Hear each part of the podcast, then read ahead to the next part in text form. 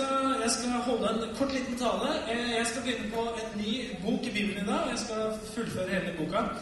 Det er en kort bok. Det heter Det er brevet til Filemon, som jeg tenkte å dele litt ifra i dag. Eh, Og headingen på dagens lille budskap, det er 'frivillig kjærlighet'.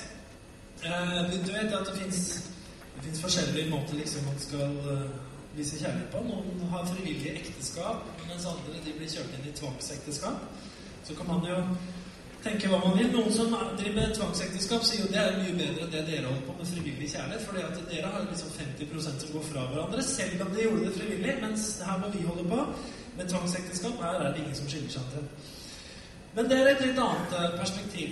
Jeg, jeg vet ikke noen ganger du har liksom hatt kniv på strupen, som vi sier. Det er jo egentlig et dramatisk bilde. Du har en kniv på strupen din, og hvis du ikke nå gjør noen ting, så skjærer kniven, osv. skjer noe veldig dramatisk med livet ditt. Du har sikkert f.eks. for eksempel eh, skulle ta gjester en gang i tida.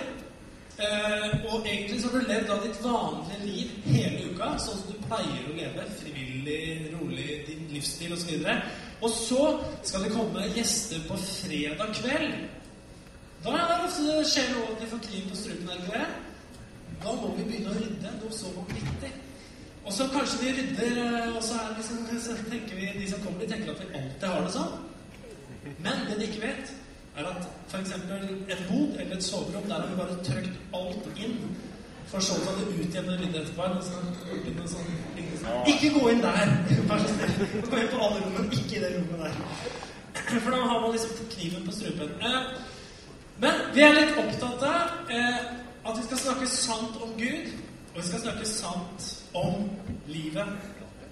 Eh, og Jeg skal dele litt ut fra denne boka her, eh, brevet til eh, Filemon. Det var Paulus som skrev det brevet her. Han, eh, han skriver det til en som heter Filemon, en som heter Appia, og en som heter Arkippus. Det er de tre som dette brevet her blir adressert til.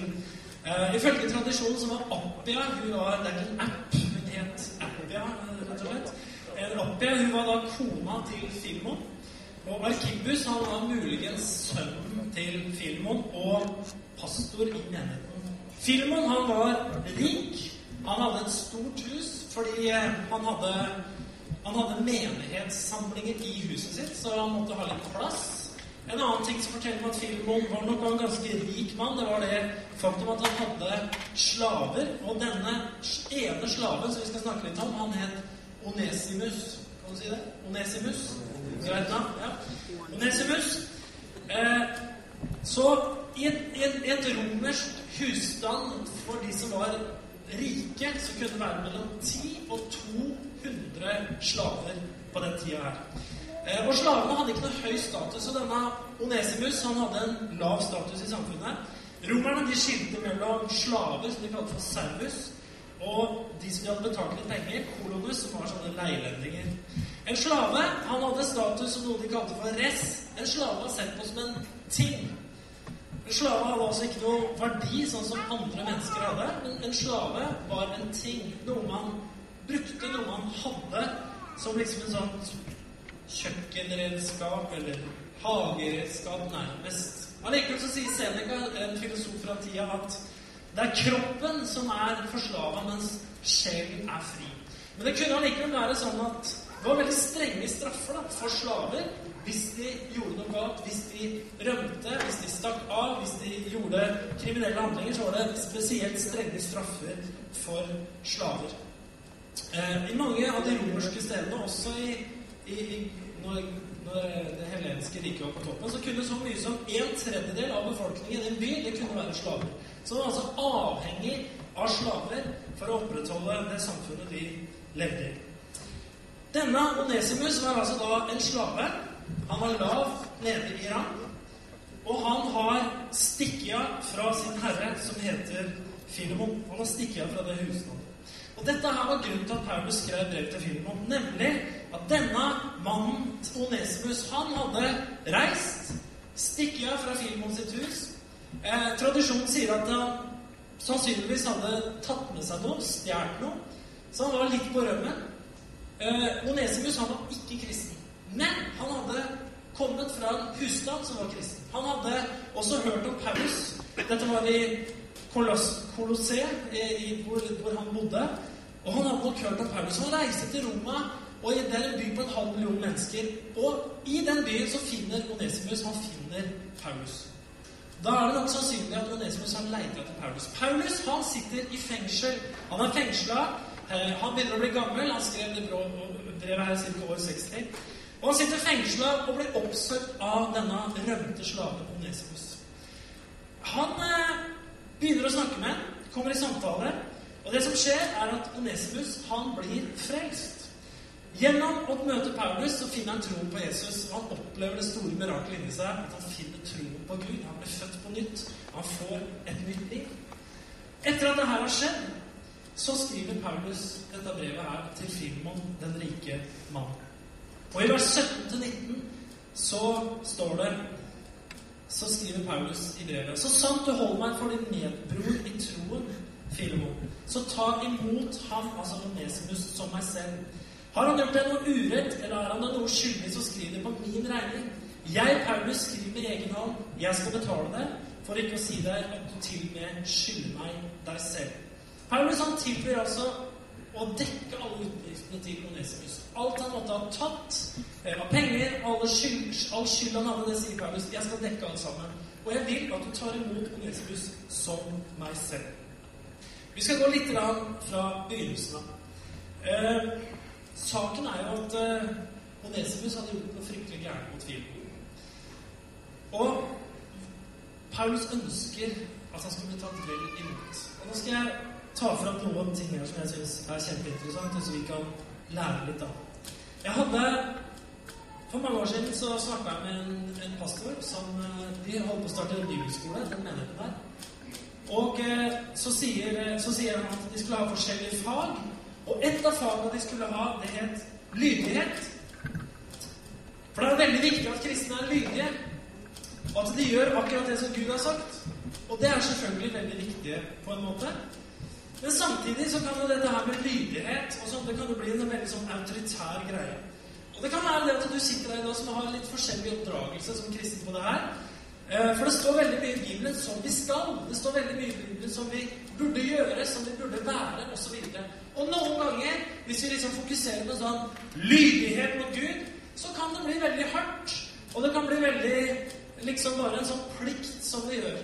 Og så er spørsmålet at det blir på en måte sånn kniven på strupen fra Gud. At hvis du ikke gjør akkurat som jeg sier, så kommer jeg til å liksom nærmest ta livet av deg. Eller dårlig liv. Vi skal se litt på hvordan Paulus skriver til Filemon om det her. Han skriver i vers 8-10 I Kristus kunne jeg nå Han er altså på vei til å sende Onesimus tilbake. Kristus kunne jeg nå med full rett pålegge deg å gjøre din plikt. Men for kjærlighetens skyld vil jeg heller rette en bønn til deg. Her er jeg, den aldrende Paulus, nå også som Kristi Jesu fange, og jeg ber deg for Onesimus, barnet som jeg har fått mens jeg sitter i lenker. Eh, den store profeten, apostelen Paulus, skriver til Filemon. Paulus var liksom opphavet til vekkelsen der hvor Filemon bodde, i Colosseum. Eh, Paulus var den største liksom, autoriteten i den datidige kirken på veldig mange måter. Han var den store apostelen, han var den store misjonæren. Og når Paulus skriver, så kunne han på en måte ut fra sin posisjon, ut fra sin autoritet som apostel, sagt nå vil jeg at du tar imot Onesimus og viser hans kjærlighet. Punktum. Finale. Gjør som jeg sier. Men Paulus han velger å gjøre det på en annen måte. Jeg kunne, sier Paulus, med rette pålegge deg å gjøre din plikt, men for kjærlighetens skyld vil jeg heller rette en bønn til deg. Hva er det her? Jo, Paulus han velger en annen vei når han skal få Onesimus til å, nei, få Filemon til å ta imot Onesimus. Han sier Istedenfor å velge autoritet, istedenfor å velge kommando, istedenfor å velge befaling, så ber jeg heller en bønn til deg. Jeg henvender meg til kjærligheten i deg. Jeg henvender meg ikke til lydigheten i deg, men jeg henvender meg til kjærligheten i deg. Om du bryr deg, om du kjenner noe, om du har et hjerte som har lyst til å ta tilbake denne tjeneren som en gang stakk fra deg og kanskje tok med pengene dere. Det kan, tenke, det kan virke som om Paulus nærmest det som legger et sånt fundament i menighetskulturen? Skal det gå på en sånn kommandolinje, eller skal det gå ut fra Kjenner du noe inni hjertet ditt som gjør at du har lyst til å ta imot Onesimus, han som har svikta deg? For kjærlighetens skyld. Og jeg tenker også at det kan være at noen ganger hvis man er en sånn slags hierarkisk kommandosentral, så kan det drepe kjærligheten. Det kunne jo ha gjort det. Jeg tar imot deg fordi jeg burde det. Det er min kristne plikt å ta imot deg. Jeg tilgir deg fordi det er min kristne plikt. Apostelen Paulus har også sagt til meg at jeg skal tilgi deg. Ja, så jeg velger å tilgi deg.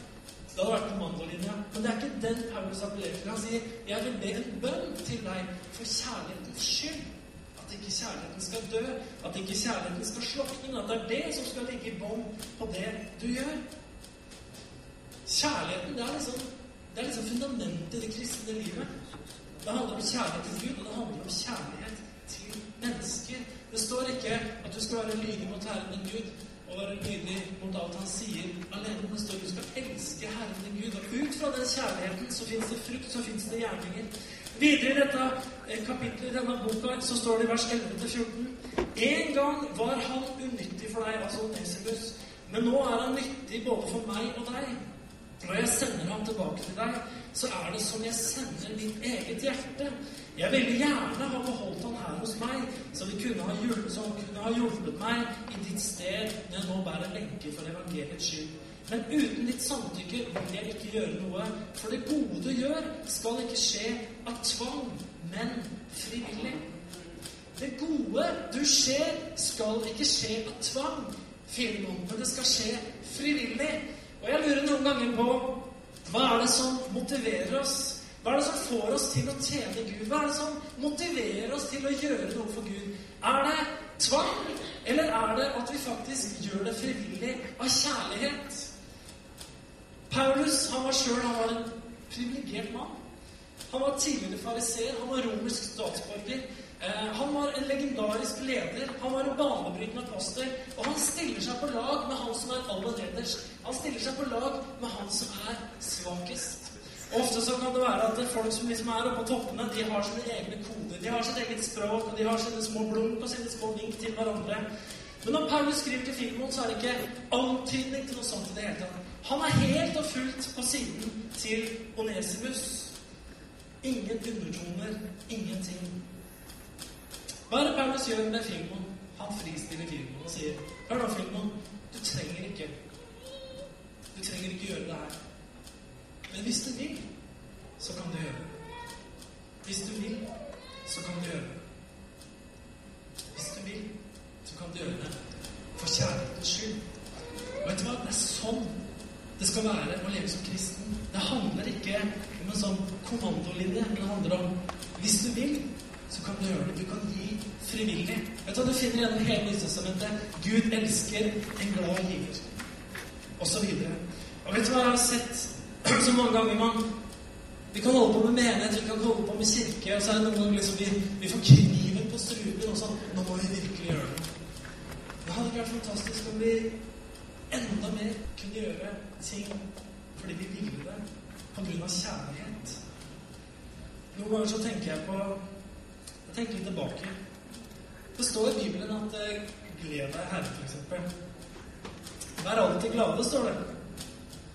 Jeg har vært borti det, men jeg har vært borti forkynnere sånn, som veldig tydelig har sagt at det står i Bibelen at vi alltid skal være glade. Så vær glad! Kom igjen! Kom igjen og vis litt glede her. Jo da. Jo da, vi er veldig glad. Halleluja. Amen. Da vil jeg si som Jokke og valentinerne Har du problemer med overdrevet positive folk? Du er ikke aleine. Det er mange som har det sånn. Det er som Har du sett eh, Jeg vet ikke om du pleier å se mye på det, men på TV-shop Sett på TV-shop. Bare sånn uheldigvis du satt det, og så er det TV-shop. Hva heter det? TV-shop? Jo. Hvor de selger eh, forskjellige ting, apparater. Det kaller jeg sånn overdrevet positive folk, altså. Ja, men det er jo helt fantastisk. Det er jo Det er liksom It's gonna turn your life around. Ikke sant? Disse trimmaskinene.